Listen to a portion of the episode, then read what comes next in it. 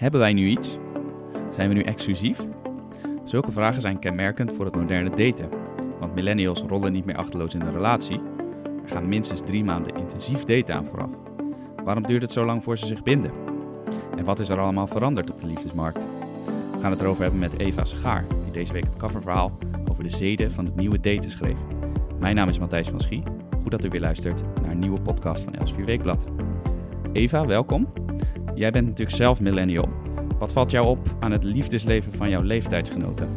Uh, nou ja, uh, dat het door dating-apps enorm is veranderd de laatste tijd. Uh, die onzekere fase duurt een stuk langer dan vroeger. En ze stappen niet zomaar meer in een relatie. Het moet helemaal goed zijn en voelen.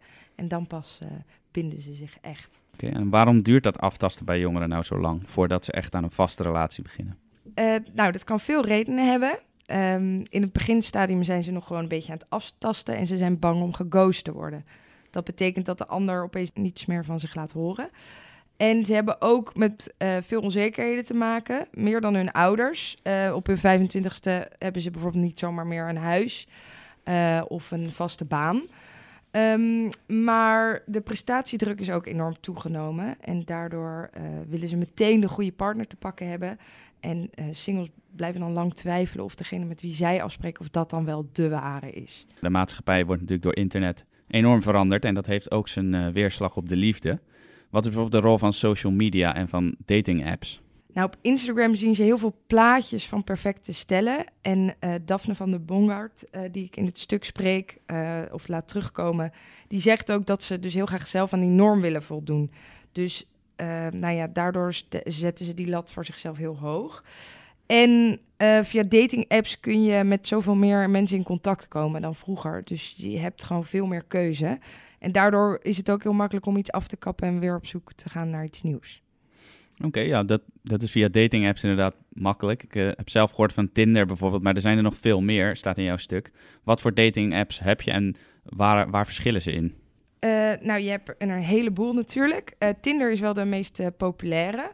Um, dat is gewoon ja, uh, in een straal van 10 kilometer naar links en naar rechts swipen. Uh, dat is dan dat, uh, dat vegen met je vinger om te kijken of je het leuk vindt of niet. En als het naar rechts is, is het ja en naar links is nee. En als je het leuk vindt, dan, dan ga je beginnen met appen. of chatten via die dating app eigenlijk. happen is echt op de locatie, dus daar, daar deel je ook de locatie via de app. Um, dus dan zie je ook een beetje wie er bij je in de buurt zijn. Dat kan heel handig zijn, bijvoorbeeld op een festival. Als jij naar een leuk concert gaat uh, en dan ben je op zoek misschien naar iemand die dezelfde muziek leuk vindt, dan zet je het even aan en dan zie je daar weer mensen uh, die in de buurt uh, zijn geweest of zijn. Um, Bumble, dat is een app waar de vrouw het initiatief moet nemen. Dus de man kan pas met je praten als de vrouw eerst iets heeft gezegd. Dat wordt ook steeds populairder. Um, en Inner Circle, dat is een app waar je alleen toegang toe mag krijgen uh, als je iemand kent die er al op zit. En het is ook alleen voor hoogopgeleiden. Dus uh, uh, ja, dat is een beetje via via. Um, heb je er dan van gehoord? Ik ken ook wel mensen die bijvoorbeeld afgewezen zijn op die app en die er nooit op zijn gekomen. Het is een heel exclusieve app dus. Een beetje wel, ja. Voor de happy few. Ja, happy few, ja, okay. precies. Ja, dat is natuurlijk vooral voor de wat oudere luisteraars echt een wereld van verschil met hoe het vroeger ging. Want toen was het heel simpel verliefd, daarna verloofd en getrouwd. Maar tegenwoordig heb je nog veel meer fases, staat ook in jouw stuk. Welke fases kun je allemaal onderscheiden en wat houdt zo'n fase nou precies in? Uh, ja, er zijn veel meer fases bijgekomen in die onzekere uh, datingfase. Um, als je net iemand uh, een paar drankjes met één iemand hebt gedaan en je vindt het wel leuk, dan spreek je meestal van een scharrel. En dan kijk je samen een beetje of dat, of dat iets meer is of niet. Een kwarrel is een uh, kwaliteitsscharrel. En dan vind je iemand wel echt, echt leuk. En dan zie je het ook wel zitten. En dan denk je dat er wel toekomst in zit. Um, dan hebben we natuurlijk de prela. Dat is het uh, voorstadium van een relatie.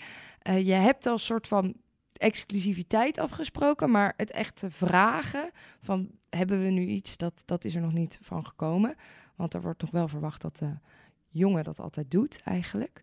Uh, en dan uh, rollen ze in een relatie als die vraag eenmaal uh, is gesteld. Nou, je rolt er dus eigenlijk helemaal niet in. Het wordt echt gevraagd en dat duurt meestal een tijdje. Nou, volgens de etiketten moet een man de vrouw het hof maken. Dat is natuurlijk ouderwets zoals het altijd gaat, ook in de films. En die moet dan het initiatief nemen voor een relatie.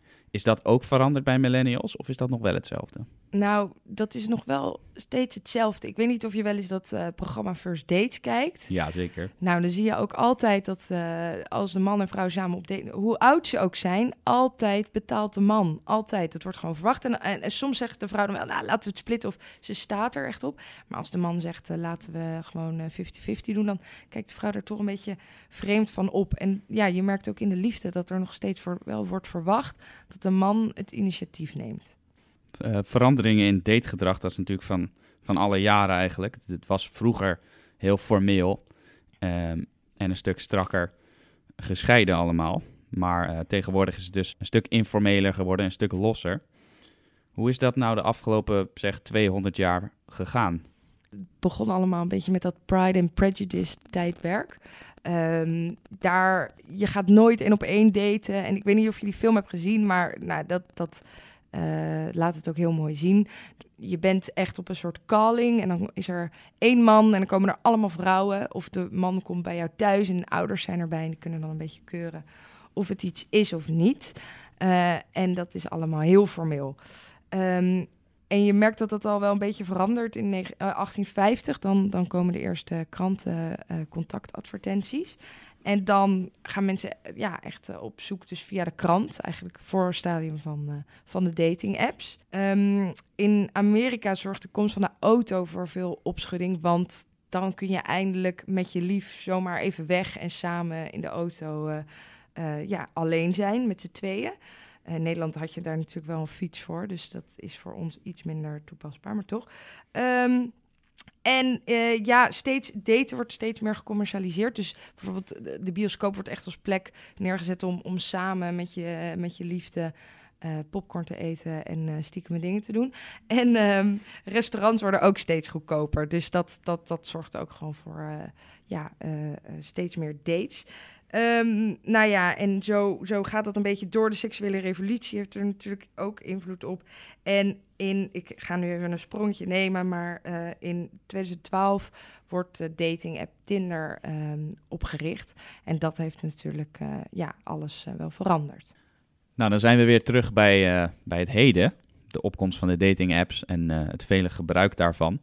Kun je nou zeggen dat door al die digitale methodes uh, millennials ook een stuk avontuurlijker zijn geworden, meer sekspartners hebben? Of is dat, is dat uh, een fabeltje? Nou ja, je hebt natuurlijk wel.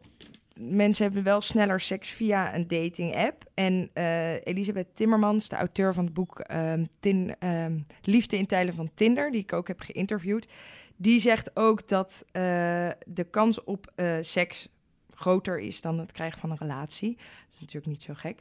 Uh, maar nou, op zich, ja, het ligt er gewoon een beetje aan met welke tijd je het vergelijkt. Uh, het is wel zo dat um, in de leeftijdscategorie 25 tot 39 heeft 24 procent uh, van de mannen met meer dan 10 seks, partners seks gehad. En dat is 19 procent van de vrouwen. Dus ja, dat is wel, als je het vergelijkt met de jaren daarna, 40 tot 54, is het 21% van de mannen en 14 van de vrouwen. Dus er zit wel, en, en met de andere leeftijdscategorieën is dat ook wel het hoogst. Uh, maar aan de andere kant, uit onderzoek van Rutgers blijkt weer dat jongeren steeds later beginnen met seks. In 2012 um, had uh, de helft van de jongeren in Nederland met 17,1 jaar geslachtsgemeenschap. En in 2017 was dat al 18,6. Dus het is niet zo dat jongeren door dating apps opeens helemaal op hol slaan. Nee. Dankjewel Eva voor dit verhaal over de nieuwe zeden van het daten. Wilt u daar nou meer over weten? Lees dan uh, het volledige verhaal. Dat kunt u online lezen of uh, in de nieuwe Elsevier Weekblad. Die ligt nu in de winkel. Mijn naam is Matthijs van Schie. Ik dank u hartelijk voor het luisteren en tot volgende keer bij een nieuwe podcast.